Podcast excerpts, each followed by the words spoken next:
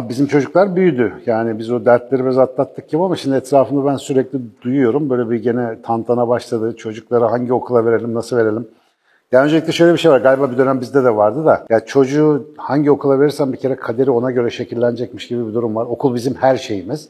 Biz hatta hiçbir şey yapmayalım, her şeyi okul yapsın kafası var. Sen onu çok yakından tanırsın. Ama mesela benim en çok içinde olduğum tartışma, bazen bir tarafı olarak yer aldım, bazen de maruz kaldım. Yani bir özel okul, devlet okulu diye bir hikaye var bizim ülkede. Şimdi özel okulla ilgili şöyle bir zorunluluk doğuyor, sosyal zorunluluk. Biz bunu yaşadık mesela. Falanca da çocuğunu özel okula vermiş, bizimkiler niye gitmiyor? Özel okul, ya özel okul sanki böyle bir imtiyazmış, birine verilmesi iyi bir şeymiş falan gibi düşünüyoruz ama senin tarafta durumun pek öyle olmadığını zannediyorum. Bu kadar kolay değildir ayrım. Yani şunu söylemeye çalışıyorum. Bütün özel okullar süper, bütün devlet okulları kötü falan değildir. Abi biz çocuğu özel okula mı verelim, devlet okuluna mı verelim? Ne yapalım konusunu bir konuşalım bence. Bence oradaki birinci ilkemiz şu olsun öncelikle. Yanlış sorunun doğru cevabı olmaz. Of, gene açılış cümlesini koydun yemin ediyorum. Yani biz orada e, özel okul mu, devlet okulu mu diye bir tartışmayla başlarsak zaten çok sınırlı düşünmeye başlıyoruz. Yani hangi çocuktan, hangi aileden, hangi şehirden, hangi mahalleden bahsediyoruz? Buna göre bir kere bakmamız gerekiyor. O nedenle soruyu böyle sorarak bakmayalım. Benim ve çocuğumun, öncelikle de çocuğumun e, gelişimi için doğru okul neresi? Yemek yerken düşündüğümüz gibi bana ne lazım şu anda? Evet. yani?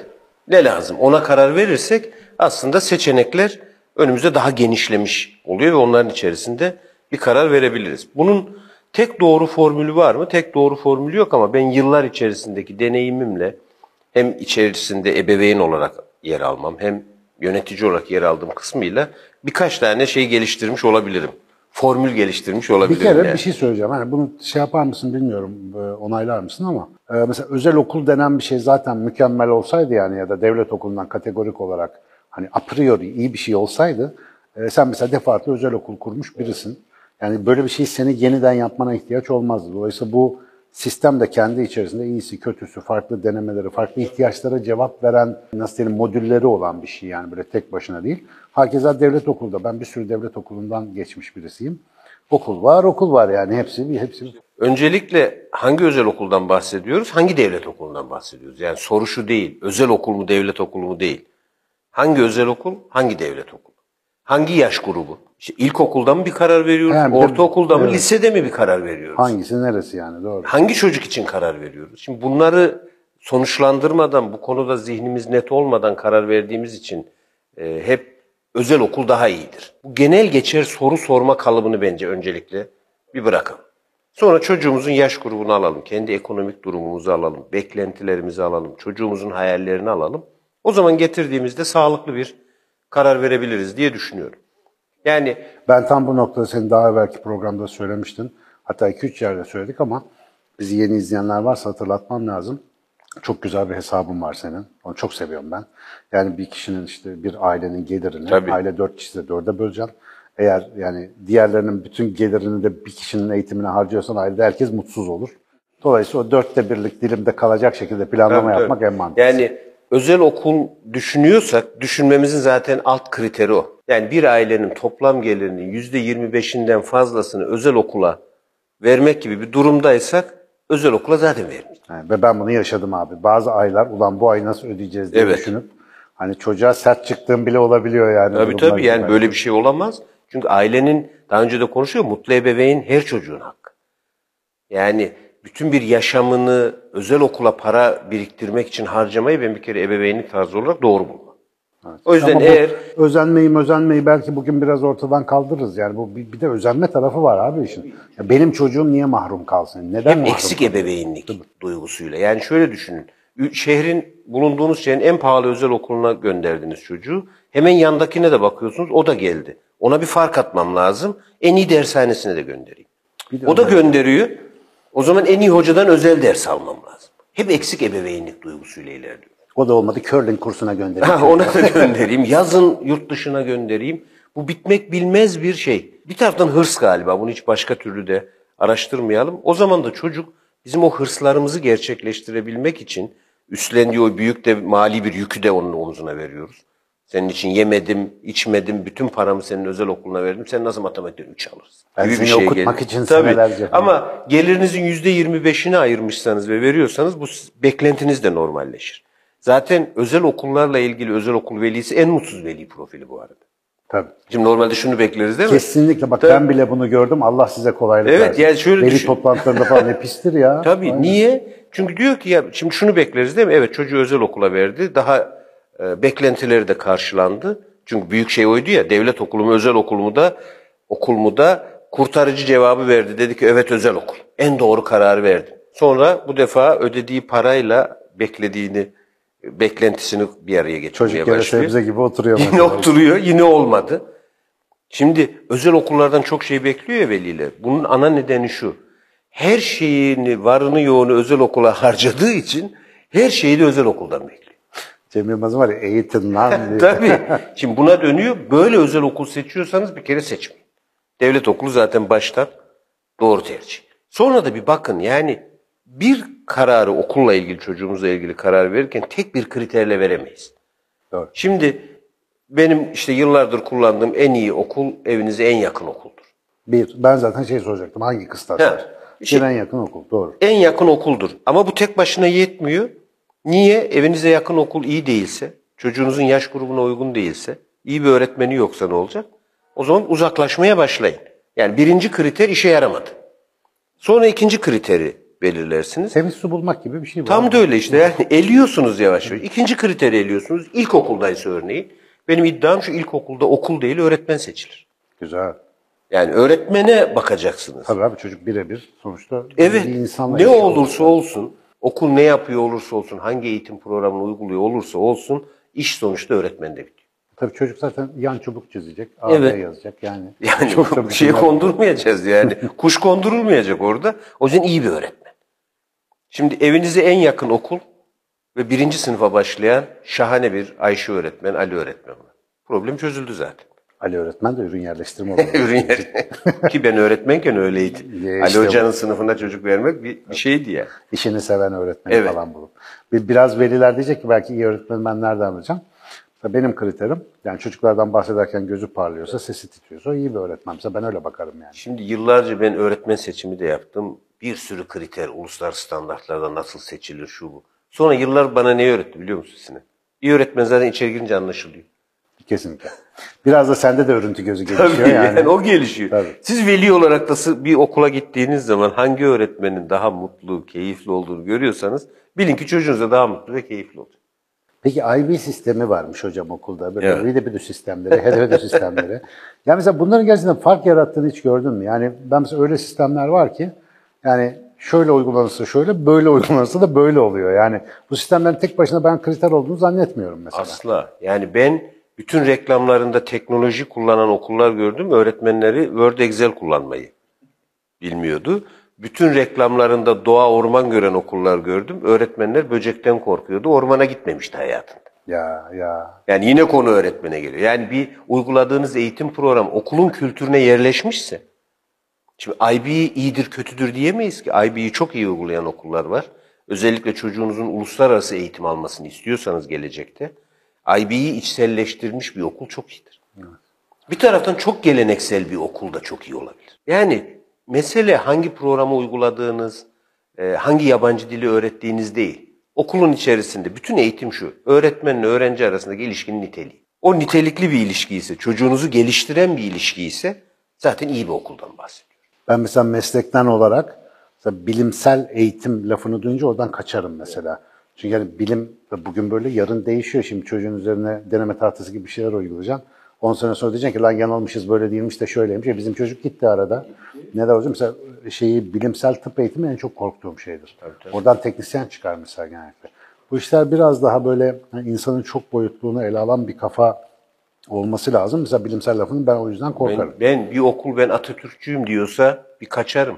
Senin Atatürkçü olup olmadığın büstün büyüklüğüyle belli olan bir şey değil ki. Ya da afişte yazdığı afişte şey. yazdığıyla olan bir şey değil ki. Ya da işte dindarlık üzerinden bir okul kuruyorsun. İşte içeriye gire, girdiğinde ki posterlerin ona göre değişiyor. Ama sen içeride nasıl yaşıyorsun? Yani okul bizim politik görüşlerimizle seçebileceğimiz bir şey olunca okullar da politik görüş göstermeye başlıyor. Maalesef. Yani 10 Kasım'ı nasıl andığından 23 Nisan'ı nasıl kutladığına kadar okullar politik duruşlarını göstermeye çalışıyorlar. Bir Bazı kere bir okullarda okul... Mevlüt'le beraber Halloween kutlayarak arayı bulmaya çalışıyorlar. Tabii orada da bir kafa karışıklığı da oluyor zaten. Aynen. Yani kutladığınız özel günlere göre bir okulu seçerseniz okullar da özel günlere çok zaman ayırmaya başlıyor.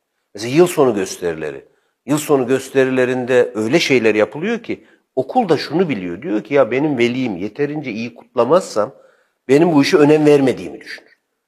Ya ben senden okul olarak beklediğim tek şey çocuğumun gelişim yolculuğuna rehberlik et. Onun nasıl gelişeceğini bilmiyorum ki. Politik olarak ne benim ne senin takipçin olmasın benim çocuğum. Kendi yolunu bulsun, kendi yolunda gitsin. Ama biz bunları o kadar önemli hale getiriyoruz ki. Ya bizim öğretmen çok Atatürkçü. Yani çok Atatürkçü öğretmen nasıl olur mesela? Bir kere çok gereğinden fazlalık ifade eder. Yani bu, bu iyi bir şey değil. İyi bir şey değil yani. Tabii. Benim öğretmenim iyi mi, iyi bir öğretmen mi değil mi? Onun ölçüsüne çocuğumla ilişkisi iyi mi değil mi? Onun dışında neye inandığı, inanmadığı, benim dışarıda onun fikirlerini sevdiğim, sevmediğim tamamen yetişkinler arası ilişki. Bu tam burada bence hatırlatmamız gereken bir şey. İdeolojik görüşler, inançlar, cinselliğe çok benziyor. İşte işler yolunda gitmeyince çeneye vuruyor ya. Yani hayatta yaşayamıyorsan sen onu gösteremiyorsan lafla belirtme ihtiyacı hissediyorsun. Ben süperim falan. Süper ol demeyi bırak, süper ol yani netice itibariyle. O da afişe yazmaya gerek yok. Bakıcı görüyorum. Bu arada demin şeye güldüm. Yıl, yıl sonu aktiviteleri dedin ya abi. Bizim çocukların o, okulda okudukları dönemlerde yeni başlamıştı ama şimdi geçenlerde bir tanesine denk geldim. Bütün anne babaların Associated Press muhabiri gibi sadece kendi çocuklarını çekmeye odaklandı ve çocukların işi biter bitmez de aktiviteyle bütün bağlantılarını kestikleri evet. anlamsız bir yığınlaşma hareketi. Yani şundan bir vazgeçsek artık ve çocuklara yarattığı, çocuklara verdiği mesaj da iğrenç. Belki bir bölümde bunu konuşuruz. Yani ana baba o kadar hani insan böyle kendine dönük self-absorb derler ya kendiyle uğraşır sadece. Sadece kendi çocuğu var. Orada 30 tane çocuk var. Kimsenin umurunda değil. Çekiyor mesela öbür çocuk çıkınca kamerayı kapatıp kendi çocuğunu alıp salondan çıkmalar evet. falan. Yani bunun çocuğa verdiği mesajı falan da düşünmüyoruz. O yüzden Hani okulun ne olursa olsun senin ne yaptığın da çok önemli çocuğun yanında. Özelmiş, devletmiş onun dışında. Tabii. Bu hastalıklı davranışlar çok problemli. Şimdi abi. biz çocuğun okula ne diyoruz? İşte iş dünyası takım çalışmasına yatkın bireyler istiyor. Okulda diyor ki takım çalışması bizde yapılır. E, yıl sonu gösterisinde herkes bireysel. Takım yok, herkes bireysel. Yani bu bir kültür. O yüzden toplam kültürünüzü değerlendirin. Zaten okul seçiminde bir diğer kriter de o nedenle kültürel uyum. Evet, üç ettik bak. Evet, kültürel bir uyum. kültürel uyum olmak zorunda. Yani şimdi veli okula çocuğunu veriyor. Çocuğun diyelim ki o okulun akademik başarısını çok beğenmiş. Akademik olarak bu okul iyi diyor, beklentisi akademik. Sonra okula gidip şuna bakıyor. Ama senin spor ve sanat alanında çok zayıfsın. Ama okul zaten bunu iddia etmemiştik. Okul ben akademik olarak başarılıyım demişti. Yani bir okul her şeyi yapar kültürü, bir okuldan her şeyi bekleme kültürü değişmezse okullar da ne yapacağını şaşırıyor. Bir de okuldan beklediğinle senin çocuğun ihtiyacı örtüşüyor, örtüşüyor mu? Bu mükemmel kombinasyona gider. Tam da öyle. Şimdi bir okulun boy boy ilanlarına bakıyoruz işte üniversite sınavlarındaki başarılarına bakıp kendi çocuğumuzu da orada hayal ediyoruz.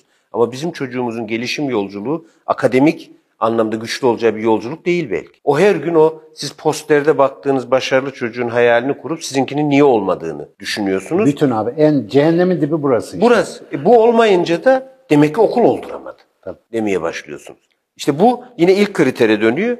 Okulla ilgili beklentimizi normalleştireceğiz. Normal bir para ödersek normal bir beklentimiz olur. En önemlisi o. Yatırım safsatası Tabii, var ya abi. Oradan bir Bu kadar yatırdım bana bunu Tabii. vereceksin falan. Ve ben onu veli toplantılarında görüyorum. Yani bizim çocuklar her okullardan da geçtiği için. Ya özel okullar veli toplantıları bildiğin böyle ne bileyim e, şey oluyor ya hani kentsel dönüşümde bizim bu İstanbul'da müteahhitlerle toplantıda kavga gürültü çıkıyor herkes ona benziyor yani. Evet. Devlet okulunda hoca bir şey diyor, veli başını eğiyor. İşte ufak tefek katkılarla sakin sakin dağılıyoruz mesela. Evet. O bu kadar para yatırdım, hadi bana karşı... Ve şöyle düşün, bir okula gidiyorsunuz, bir dünya para yatırıyorsunuz. Diyorsunuz ki ben sizin eğitim sisteminize, öğretmenlerinize, yönetim yapınıza güvendim. İlk veli toplantısında İngilizce ders saati niye az? bir de bu var. Evet. Allah Allah bir durdu orada kaç yıllık bir okul, onca eğitimci bunu bilsin. Yani bu ebeveyn egosu, Google'dan öğrendiğimiz 3-5, şimdi bugün bizi bunu dinleyip Yarın sabah okula gidip de iyi öğretmen önemliymiş, öğretmen listeniz. Okulda diyor ki ama biz öğretmen listesi vermiyoruz. Şimdi bunu bir okul söyleyebilir de bu arada. Tabii. Yani önce şu okul politikaları, yani Türkiye'de okul ve ebeveynin özel okullar cephesinde özellikle bir şey var. Şunda artık bir mutabık olalım. Okul Ne yapıyorsa onu söylesin. Sakince değil mi? Sakince. Veli de okulun söylediği şey kendi çocuğuyla ve kendi beklentisiyle örtüşüyor mu örtüşmüyor. Buna karar versin. Yani ilişkiyi baştan bir düzenli kuralım. Ben ne yapabilirim, ben ne istiyorum. Yani kuyumcu açtıysan icabında elma ve muz da bulurum deme yani. Deme yani. Kuyumcu işte sat malını sat. Yani. Yani şimdi okula gidiyoruz. Ee, önce diyoruz ki ya e, bu okulun İngilizcesi çok iyiymiş. O yüzden hangi, niye verdin o okula diyorsun? İngilizcesi çok iyi. Bir ay sonra mutsuz. Niye? Ya hiç sınava hazırlamıyorum. E ne yapsın? İngilizce mi öğretsin? Sınava mı hazırlasın? Keman mı çaldırsın? Spor mu yaptırsın? Bakın Hepsi. o anlamıyla özel okul tarafına çok üzülüyorum. Eleştirdiğim bir sürü taraf var ama buna yetişemeyiz ki. Mümkün değil. E tabi bu kadar çok irrasyonel beklentinin olduğu bir yerde, tabi bunu okullarda öğretseler hepimiz bilirdik de, medyokrasiyi, ortalamanın altına düşmeyi maalesef kendi ellerimizle getiriyoruz. Yani her şey mış gibi oluyor. Okulda 30 tane etkinlik oluyor. Hiçbir etkinlik, yani hepsini toplasan bir etkinlik etmiyor. Derinliği yok çünkü. Derinlik. Ona bir yatırım yapılmamış, ona bir mekan ya da uzmanlık oluşturulmamış. Biraz da biz aslında bu aşırı isteklerimizde bunu kendimiz yaratıyoruz. Yani her şeyi tek bir odaktan bekleme meselesi. Bir de bende olmayan şeyi birinin vermek zorunda olduğunu bana düşünmem. Yani lan ben yapayım biraz, ben örnek olayım, ben evde enstrüman çalmaktan sonra senin çocuğun niye enstrüman öğrensin yani? Öyle bir garip bir durum var. Demin bir şey söyledim mesela ilkokulda iyi bir öğretmen yeter. Ben bunu mesela bir veli olarak seni dinlerken yani en yakınımda bir e, iyi bir devlet okulu bulduysam ya parası ya parası da az olduğu için bana masrafı da az olduğu için öğretmeni de gözüm tuttuysa hemen düşünmeden yapışır Yapıştır geç. İlkokul için bu güzel bir Bu kriter diyorsun. Ortaokul peki. Ortaokul için. Şimdi burada bir önce şunu bir önceki Benim ortaokul diye sormam bu arada şeyden dolayı. Ortaokulda yavaş yavaş artık entelektüel, akademik beceriler Tabii, tabii. devreye girmeye başlıyor. Orada sanki biraz hayat bir şey değişiyor. yani onunla ilgili bir kısa formül söyleyeceğim ama önce bir önceki sorunla ilgili izninle bir şeyi tamamlayayım. lütfen. Şimdi niye bu kadar çok özel okul konuşuluyor? Niye her veli maddi durumuna bakmaksızın özel okul istiyor? Burada bir kere devletin bir yanlış pozisyonunun büyük etkisi var. Şimdi 2000'li yılların sonu 2010'larda devlet şöyle bir politika geliştirdi. Biz kamu kaynaklarıyla yeterince okul açamıyoruz. Buna kamunun kaynakları yetmiyor. Biz özel sektörün önünü açalım. Özel sektör açabildiği kadar çok okul açarsa sınıf mevcutları düşer devletteki. Böylelikle de hem özel okulculuk gelişir hem de devlet okullarının niteliği artar sayıdan dolayı hatırlıyorum o dönem. diye düşünüldü ve %15 hedefi konuldu. Türkiye gibi ekonomik koşulları olan bir ülkede düşük özel okul oranı anlaşılabilir ama %15 olabilecek bir şey değildi. Bu aslında e, gelişmemiş ülkelerde, ekonomik anlamda devletin güçlü olmadığı ülkelerde bir politika olarak Sahra Afrika'sında uygulandı, Güney Amerika'da uygulandı. Düşük bütçeli özel okul sayısını artırırsak devletin eğitime harcadığı bütçe azalır. Bunun sonuçlarını şimdi biz de gördük. O yüzden devlet politika değiştiriyor da. Bu kamuyu tamamen çökertti. Yani Şu devlet an okulu maalesef durum evet. öyle. Evet, devlet okulunda öğrenci sayısı 80'den 40'a düştü ama 40 tane hedefli çocuk bir şey yaparım diyen, yüksek eğitim beklentisi olan öğretmen, öğrencinin tamamı özel okullara geçti. Devlet okullarından beklenti çok azaldı ve kamu çöktü. O yüzden insanlar bu kadar parası olmasa bile çocuğunun geleceği için devlet ok- e, özel okul aramaya çok yakın başladı. zamanda yani geçen sene kızlarımızdan birini e, merak olduğu alanda grafik tasarım alanında meslek lisesine, diğer kızım işte şeye piyano bölümünde olduğu için Güzel Sanatlar Lisesi'ne verdik. İkisini de bir yıl sonra okullarından almak zorunda kaldık. Çünkü Güzel Sanatlar Lisesi'ne giden piyano da geriledi. Yani Evet. ortam hiçbir şekilde uygun değil. Evde daha iyi çalıyor. Diğeri ise hem okulun çevresi hem okula yatırım yapılmaması nedeniyle mesleğini dışarıda daha iyi Evet. öğrenebileceğini fark etti. Onu da başka bir okula aldık şimdi. Ve ikisi de mecburen üniversite hazırlık döneminde özel okullara geçmek durumunda kaldılar. Kendi elimizde çökerttiğimiz bir imkanın maalesef çok kötü Tabii sancısını şimdi çekiyoruz. yani. arkasından ağlıyoruz. Hepimiz kendi aramızda bizim zamanımızda eğitim daha iyiydi diye ağlıyoruz. Enteresan abi, benim zamanımda bile iyiydi. Ya ben Evet. öyle bir okulda okudum Evet. ki rezalet bir Ankara'da isim vermeyeyim şimdi o zaman çok rezaletti. Bugün düzelmiş tabii. Orada bile abi iş- işler gerçekten daha iyiydi. Yani. Çünkü daha gerçekçiydi. Evet. Yani ülkenin ekonomik koşullarıyla, sınıfsal ilişkileriyle daha uyumlu bir eğitim Kesinlikle. sistemimiz vardı. Şimdi olmadığımız bir hali yaşıyoruz. Evet, yani jacuzzi %15 ve ev- özel okula gönderebilecek veli mi Türkiye'nin ekonomisine baktığımız zaman %55'i 60'ı asgari ücretle yaşayan bir ülkede %15 özel okul oranı olur mu? Olur. Buraya bak matematik Abi, zaten bize diyor ki yanlışlık var. 30 36 yıl vadeyle jacuzzi ev alabildiğim bir ülkede bu normal yani. Evet. Aynı şeyler. Şimdi bu oran Türkiye gibi ülkelerde yüzde beşlerde olsa özel okullar bir kere çok nitelikli özel okullarımız olur. Ben bu arada bir taraftan da özel okulların olması gerektiğini, sistemi ileriye taşıyan, özgün programları olan okullar olmasını çok önemli buluyorum. Plastisitesi ve deneme özgürlüğü yüksek. Deneme özgürlüğü yüksek. Bu onun yaptığı iyi bir şeyin genele yayılmasını da sağlar. Ama ortalamayı çökertirsek, hani nasıl ekonomide orta sınıf çöktüğü için bir sıkıntı yaşıyoruz. Şimdi ortalamayı çökerttik, en üsttekiler ve en alttakilere getirdik. Büyük hata buydu. O yüzden de Türkiye'de artık %15'e geldiği için özel okul sayısı çok azaldı. Paralı okul sayısı arttı sadece. Güzel. özel okul sayısı hala %2-3.